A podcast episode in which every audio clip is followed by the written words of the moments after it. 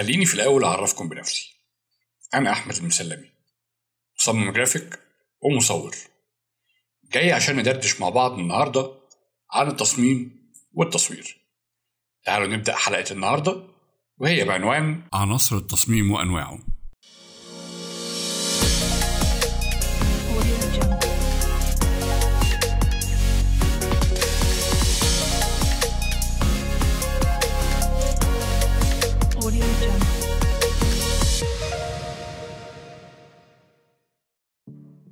الحلقة اللي فاتت اتكلمنا مع بعض عن إيه هو التصميم.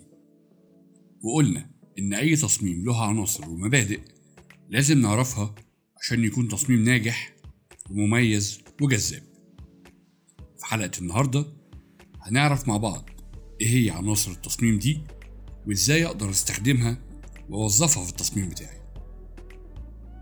خليني مبدئيا أقول لك إن أي تصميم له دايما عناصر أساسية لازم تكون عارفها عشان تبدأ تشق طريقك في مجال التصميم بشكل صحيح. هنتكلم عن أول عنصر معانا وهو الخط. وهنا ما أقصدش بالخط يعني الكتابة أو ال typing لا أقصد بالخط هنا ال line. سواء بقى كان خط مستقيم أو منحنى أو أيا كان شكل الخط في التصميم. طيب الخط في التصميم له دور كبير إنه يوضح الفكرة بتاعة التصميم ويوضح موضوعها.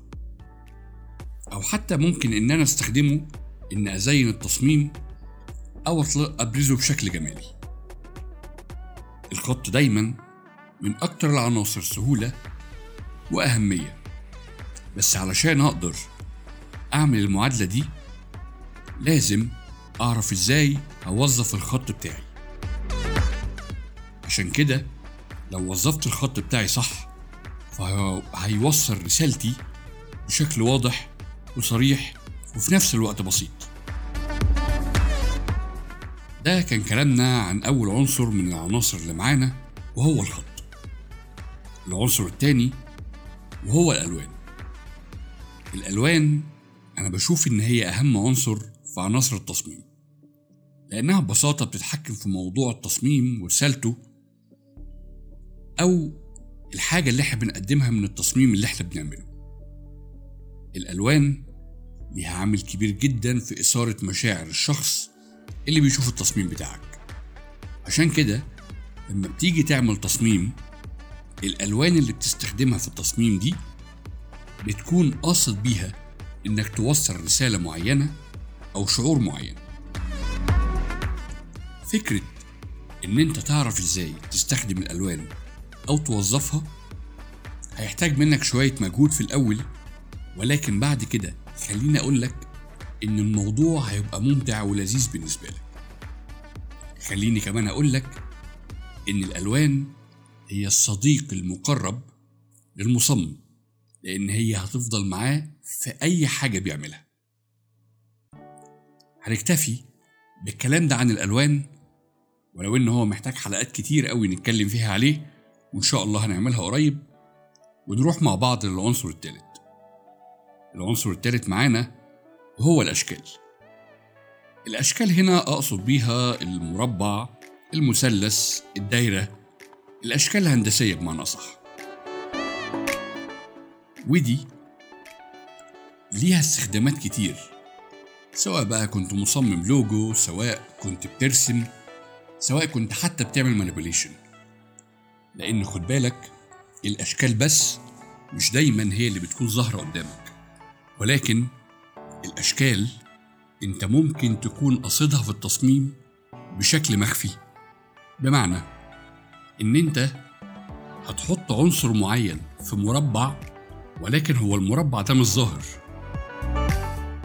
ولكن الشخص اللي بيشوف التصميم هيعرف إن المكان ده موجود فيه شكل مربع بالعنصر اللي هو متحدد فيه.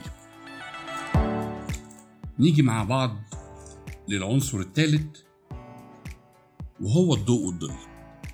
الضوء والظل من أهم العناصر اللي أنت محتاج إن أنت تعرفها لأنهم دايما مرتبطين ببعض. بمعنى أنا عمري ما هلاقي ظل بدون أصل ضوء. عشان كده لازم هتلاقي دايما الضوء والظل موجودين في أي تصميم مهمين كمان جدا زيهم زي أهمية الألوان. الضوء والظل بيقدروا يحولوا لي الشكل اللي قدامي من شكل مسطح وممل لشكل مجسم جذاب وله أبعاد. دايما الضوء والظل بيتحكموا بشكل كبير في مشاعرنا وإحساسنا اتجاه التصميم. عشان كده إن أنت تعرف إزاي توظف الضوء والظل عندك في التصميم الموضوع هيحتاج منك وقت وهيحتاج منك كمان ممارسة وهيحتاج إن عينك تاخد عليه وتتمرن عليه كويس. خليني أقول لك إن عشان يكون عندك تصميم ناجح لازم تهتم بكل العناصر اللي فاتت اللي إحنا قلناها وتعرفها كويس.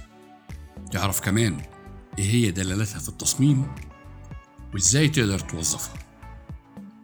طبعا أنا في عندي عناصر كتير ما اتكلمتش عنها ولكن الموضوع هنا مش شرح هو إحنا بس بندردش عن إيه هي عناصر التصميم. ولكن لو حابب تعرف أكتر عن باقي عناصر التصميم تقدر تتفرج على الفيديوهات الموجودة على اليوتيوب لأساتذة الكبار زي الأستاذ محمد خيال والأستاذ مصطفى مكرم. عندك كمان الأستاذ نور حمصي أو قناة دور ديزاين نور ديزاين لمحمد علي. وهنا نكون قلنا عناصر التصميم اللي لو عرفتها هتكون حطيت رجلك على أول الطريق الصح إنك تكون مصمم ناجح ومحترف. الحلقة الجاية هنتكلم عن إيه هي أنواع التصميم ومجالاته وإزاي أقدر أختار المجال المناسب ليا وأبدع فيه. وهنا بتخلص حلقتنا النهارده. دايما سعيد بوجودي معاكم. واستنوني في حلقات جاية. من بودكاست تك الزرار.